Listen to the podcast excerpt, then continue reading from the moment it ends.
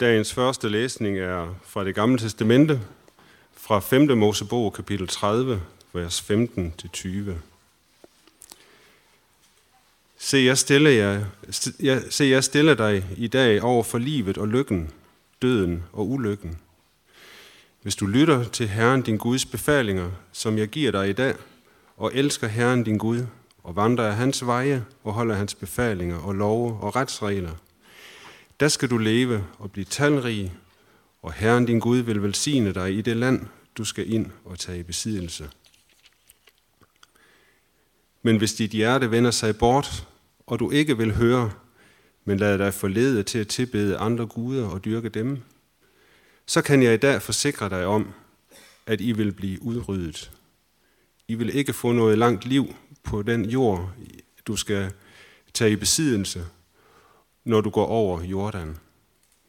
Jeg tager, dig, jeg, jeg tager i dag himlen og jorden til vidne imod jer. Jeg har stillet dig over for livet og døden, velsignelsen og forbandelsen. Så vælg dig livet, for at du og dine efterkommere må leve, og elsk Herren din Gud, adlyd ham og hold fast ved ham. Så skal du leve og få et langt liv og bo på den jord, Herren lovede dine, forældre, dine fædre, Abraham, Isak og Jakob, at give dem.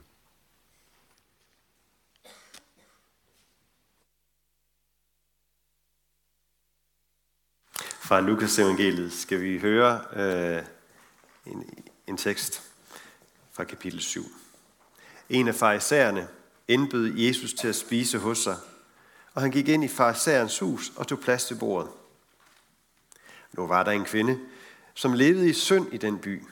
Da hun fik at vide, at han sad til bords i farisæerens hus, gik hun derhen med en alabastkrukke fuld af olie, stillede sig grædende bag ham ved hans fødder og begyndte at væde hans fødder med sine tårer og tørre dem med sit hår.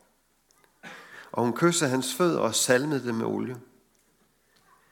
Da farisæeren, som havde indbudt ham, så det, tænkte han ved sig selv. Hvis den mand var en profet, vil han vide, hvad det er for en slags kvinde, der rører ved ham. At det er en, der lever i synd. Jesus sagde da til ham, Simon, jeg har noget at sige dig. Og han svarede, sig det, mester. En pengeudlåner havde to skyldner. Den ene skyldte 500 denar, den anden 50. Da de ikke havde noget at betale med, eftergav han dem begge deres gæld. Hvem af dem vil så elske ham mest? Simon svarede, øh, den han eftergav mest, vil jeg tro. Jesus sagde, det har du ret i. Og vendt mod kvinden, sagde han til Simon, ser du denne kvinde?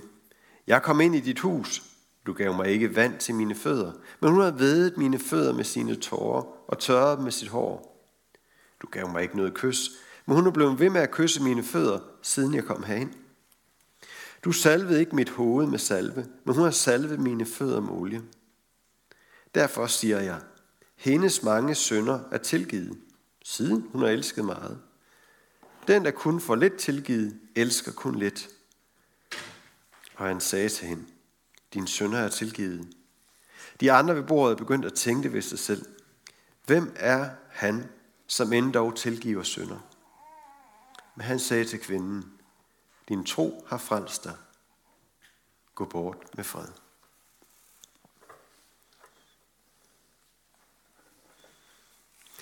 Ja, kære Herre Gud, vær om, at du må åbne vores ører, så vi kan høre, hvad du vil sige til os i denne tekst.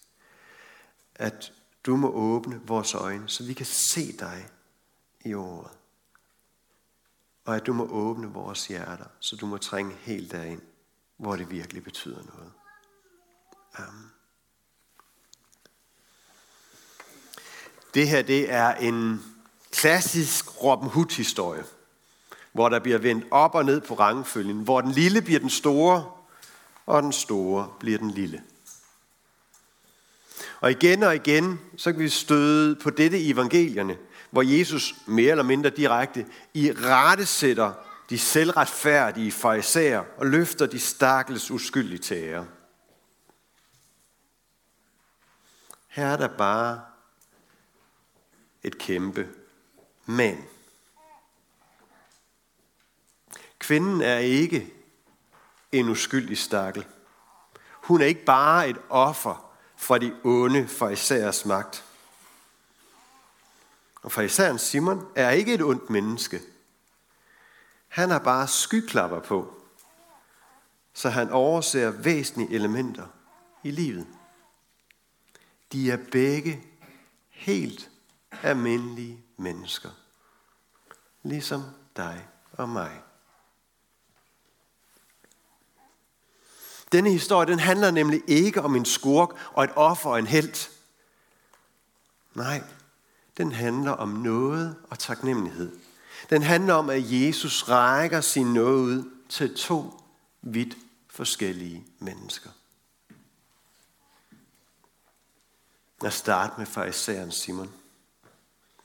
Gennem hele teksten, så er der en eller anden tvetydighed over forholdet mellem Simon og Jesus. Fordi på den ene side, så indbyder han Jesus til fællesskab, til måltid.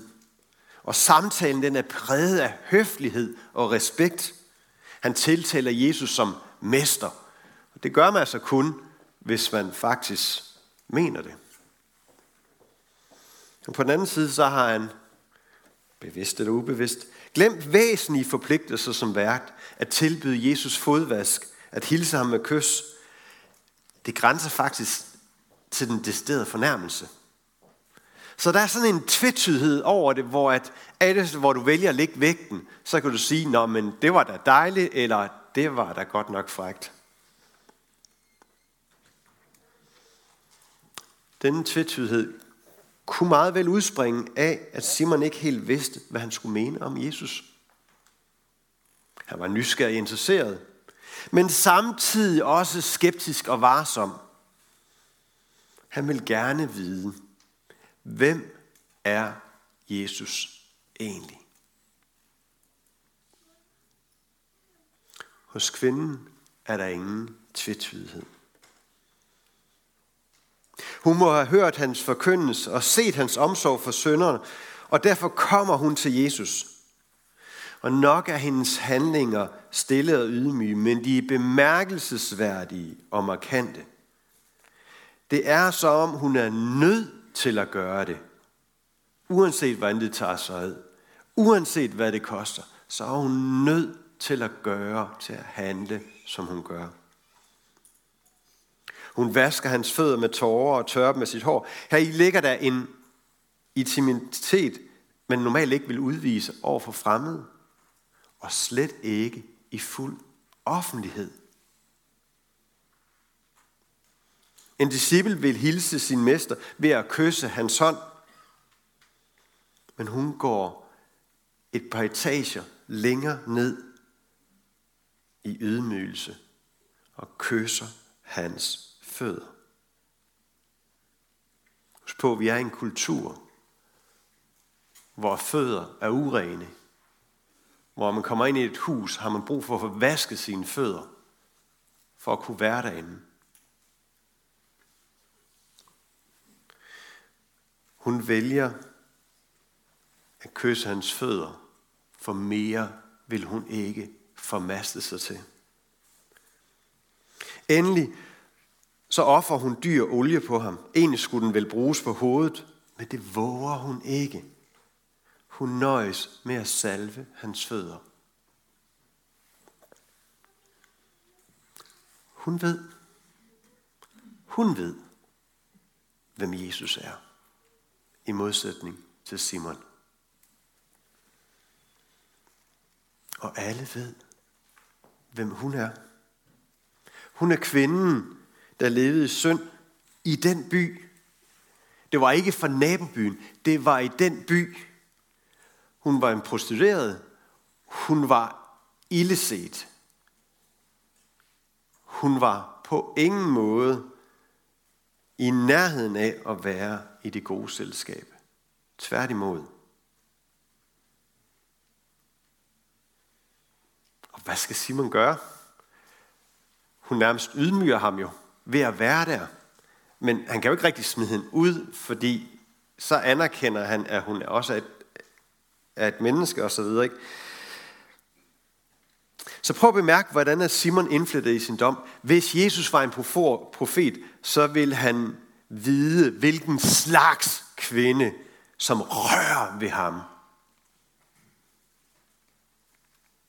Hun er efter Simons mening gået langt over enhver anstændighedsgrænse.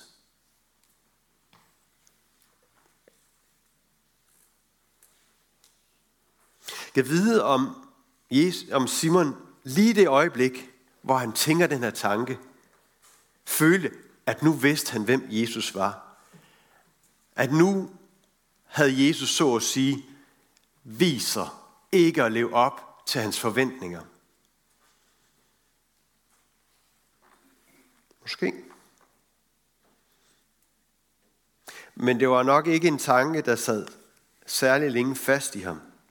Fordi kort efter, så tiltaler han Jesus respektfuldt som mester. Som en, som ved, hvad det handler om. En, man skal lytte til. En, hvis ord, man skal tage seriøst. Og så begynder samtalen.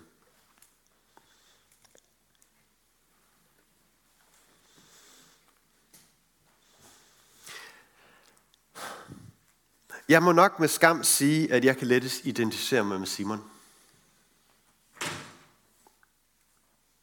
At jeg går høfligt og respektfuldt ind i en samtale med Jesus for at lære noget, for at få en indsigt, for at han kan inspirere mig til, at, til spændende tanker. Og måske, måske vil jeg endda give ham lov til at ændre noget ved mig. Ændre på mit syn på livet og frelsen. Måske. Hvis, hvis han kan overbevise dig.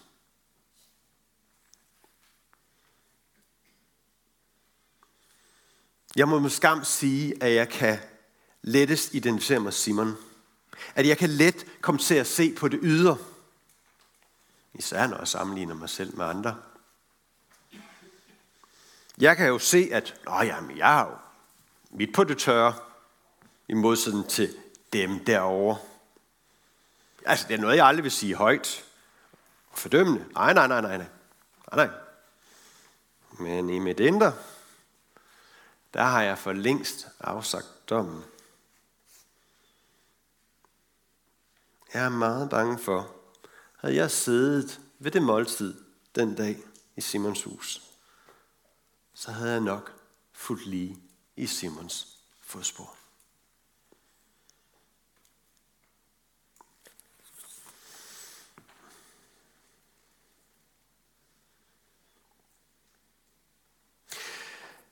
Den gode nyhed, det er, at Jesus forsøger faktisk at få Simon i tale. Han forsøger faktisk at vise ham noget. Han forsøger til at indse noget. Og det er derfor, han fortæller den lignelse. En lignelse, som, hvor han på sokratisk vis beder øh, Simon om nærmest selv at kunne tænke igennem og nå frem til konklusionen. Når ja, den, der har fået meget eftergivet, vil også vise størst kærlighed. Så hvad er det egentlig, at Jesus vil opnå med den lignelse? Jo, for det første, så vil Jesus ryste Simons selvtillid. Han sammenligner sig jo med kvinden og tænker, hun er jo ingenting værd sammenlignet med mig. Men Jesus viser ham, hvordan hun har gjort meget mere for Jesus. Hvordan hun trådte til, da Simon svigtede som vært.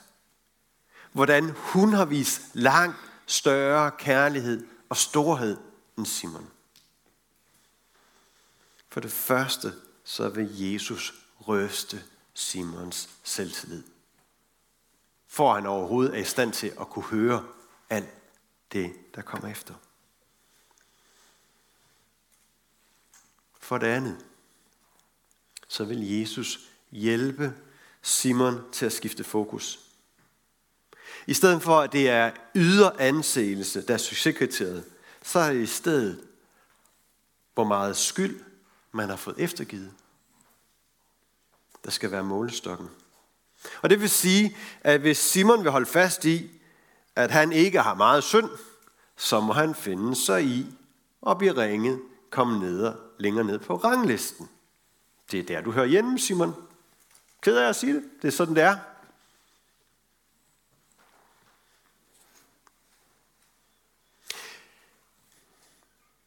Når du elsker meget, skal du have meget tilgivet. Den er kun for lidt tilgivet. Elsker kun lidt. For det tredje, og det kan godt virke lidt som modsætning til det andet, men husk på, det andet her, det er bare med at hjælpe Simon på vej til egentlig at kunne forstå det, det i virkeligheden handler om. For det tredje, så viser Jesus, at det at måle, hvem der er størst, er en forgæves tilgang. Det handler ikke om, om du har en lille eller en stor gæld. Det handler om, at du har en gæld, der er blevet eftergivet.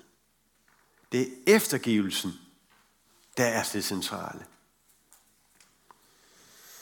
Det handler om, at vi hver især kan få øje på den kæmpe gæld, som vi faktisk har fået eftergivet. Og ikke kun den lille chatgæld, vi nogle gange bilder os ind, at vi har fået eftergivet. Simon og andre har mere fokus på at sammenligne kvinden med sig selv, men det kommer faktisk til at få skub det væsentlige i baggrunden, at Simon har lige så meget brug for Jesus og hans tilgivelse, som han synes, at kvinden ikke har fortjent det.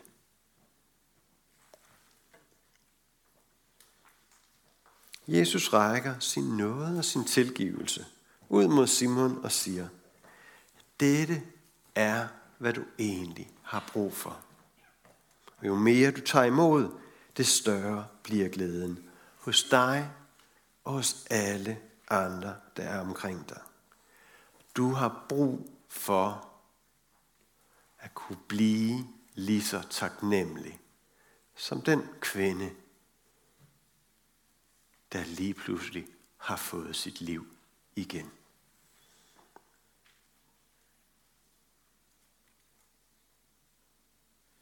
Tilgivelse fører til taknemmelighed, som fører til kærlighed. Vi elsker, fordi han elskede os først. Simon og de andre i selskabet, de var der, fordi de gerne ville finde ud af, hvem er Jesus egentlig? Fik de et svar? Ja. Jeg tror ikke, det var det svar, de havde regnet med. For de bliver efterladt med en fortsat undren. Hvem er han, som end dog tilgiver sønder? Ja. De fik en lidt større indsigt.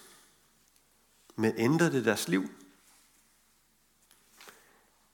Tillod de ikke bare at ændre deres liv, men tillod de, at Jesus kom ind og ændrede deres liv. Det ved vi faktisk ikke. Jeg ved ikke, om I har bemærket det, men der er faktisk rigtig mange af Jesu, af fortællinger om Jesus, der ender det samme sted. Vi ved ikke, om den ældste af de fortabte sønner kom ind til festen. Vi ved ikke, om Simon, som ellers faktisk har en god samtale med Jesus, og man ender med at sige, jeg har brug for dig. Men kvinden, ja, hun fik ikke bare tilgivelse. Hun fik et nyt liv.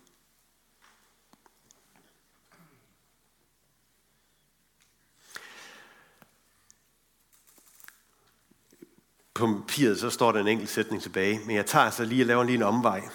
Og det er noget, som jeg slettede, og ikke gør det. Så hvis det her det kommer til at forvirre lidt, så bær over med mig. Men jeg føler, at, at det alligevel skal siges. Øhm, da jeg arbejdede med teksten her, så synes jeg, der var noget med kvindens tilgivelse, som ikke giver mening. Rent logisk. Når jeg prøver sådan at så sætte det sammen, så giver det ikke mening. Fordi Jesus konkluderer, at hun er blevet tilgivet meget, siden hun elsker meget. Og vi kan se, hvordan hun handler over for Jesus. Hun elsker meget. Så rent logisk betyder det, at tilgivelsen går forud for det. Men samtidig, så slutter han det jo af med at sige, dine sønder er tilgivet. Og selvom man prøver at sådan sige, at ja, men det handler i virkeligheden om, at, at, at hun først fik det meddelt der. Men hvis Jesus præmis om, at, at større eftergivelse giver større taknemmelighed, giver større kærlighed, så må det betyde, at hun faktisk allerede før hun trådte ind ad døren i Simons hus, var tilgivet, og hun vidste i sit hjerte. Så når jeg prøver med min logik at sige, nu skal vi stille det op på en eller anden måde, så ramler jeg i problemer. Og det er fordi, at jeg forsøger at forstå tilgivelse kausalt, som en årsagssammenhæng. At der er et eller andet, der går forud for et eller andet. Og jeg har en eller anden forestilling om, at det, det i virkeligheden handler om, det er, at jamen, det vi skal gøre, det er, at vi skal komme til Jesus og bede om tilgivelse. Og så klapper han på hovedet og siger, selvfølgelig, og giver os en himmelsk knus. Og så er det den vej, det går. Og selvom at der er en årsagssammenhæng, så er årsagssammenhæng, den kausale årsagssammenhæng med tilgivelse, den er faktisk en anden. For den starter ikke med, at jeg kommer og beder om tilgivelse. Årsagssammenhængen starter med, at Jesus hænger på korset. Og dernæst, at han tilgiver mine sønder. Og jeg figurerer ikke som en del i den her kausale sammenhæng. Og det er fordi, at vi ikke skal forstå tilgivelse som noget kausalt, men vi skal forstå tilgivelse som noget relationelt. Vi går rundt og er bestandig tilgivet, fordi vi er Guds børn. Fordi vi er i den relation med Gud. Det er relationen, der definerer, at vi er tilgivet. Ikke hvad vi måske har gjort for at bringe det frem for Gud. Og det er egentlig det, der også kommer på spil her. Fordi i samme øjeblik, som kvinden ser, hvad Jesus egentlig giver, og hun går til ham, så har hun faktisk allerede kommet ind i relationen. Og det er derfor, hun kommer ind som en tilgivet sønder. Hun har ikke brug for at gøre noget for at blive tilgivet. Hun var det allerede, da hun kom ind. Vi skal sørge for at huske på, at tilgivelse ikke er noget kausalt, men det er noget relationelt. Det handler ikke om, at vi er tilgivet, men at vi er i Guds hus som Guds børn.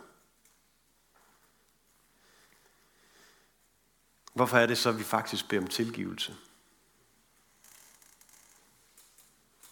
Jeg tror faktisk ikke, det er for Guds skyld. Jeg tror, det er for vores skyld.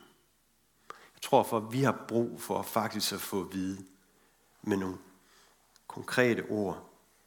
Ja, du er tilgivet. Det er taget væk.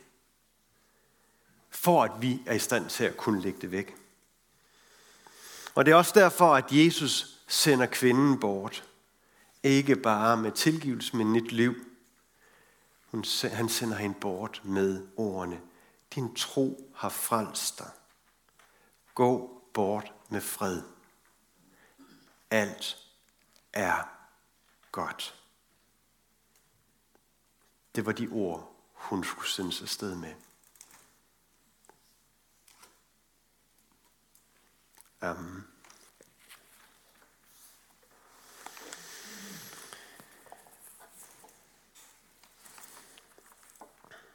Vi vil nu øh, bede en fælles, øh, fælles bøn, og det vil foregå på en måde, at jeg beder højt, og du er velkommen til at føje så meget til, som du overhovedet vil. Og, øh, og hvis du skal komme til at bede det højt også, ved hvad? Det går nok. Vi finder ud af det. Jesus, vi takker dig for fællesskabet omkring Guds tjenesten. Tak, fordi vi kan mødes i frihed og tilbe dig. Styrk du os i indbyrdes kærlighed.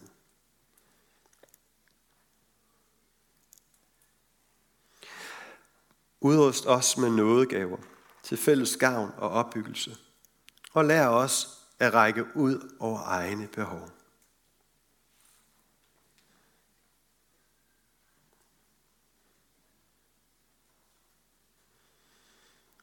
Vi beder dig for menighedens børn, både de fødte og ufødte. Beskyt du dem og lad dem få lov til at vokse op i troen på dig.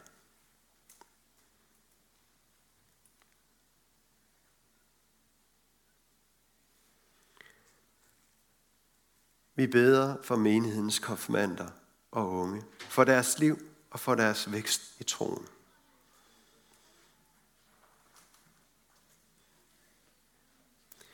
Vi beder for dig for ægteskabet og dem, der lever alene.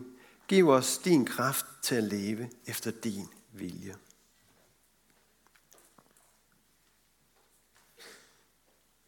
Vi beder for Skjern by omegn, at du, Jesus, må blive kendt, troet, elsket og efterfulgt.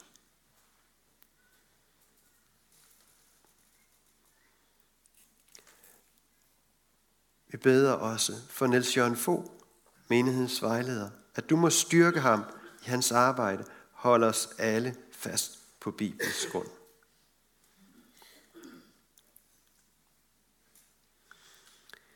Vi beder også for Sofia og Kirsten, der er sendt ud her fra kirken. Bed om, at du må give dem styrke og mod til at kunne være dine hænder der, hvor de er.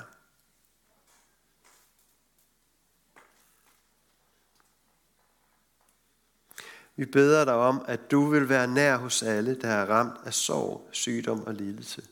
Giv os mod til at være til stede og visdom til at lindre smerten hos hinanden.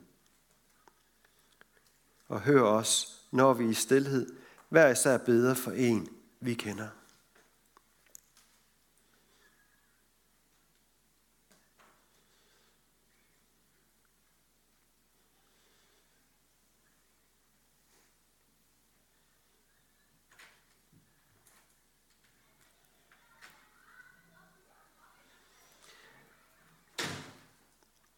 Vi beder dig for din kirke. Lad budskabet om dig, Jesus, spredes over hele jorden og styrk dem, som forfølges for dit navns skyld.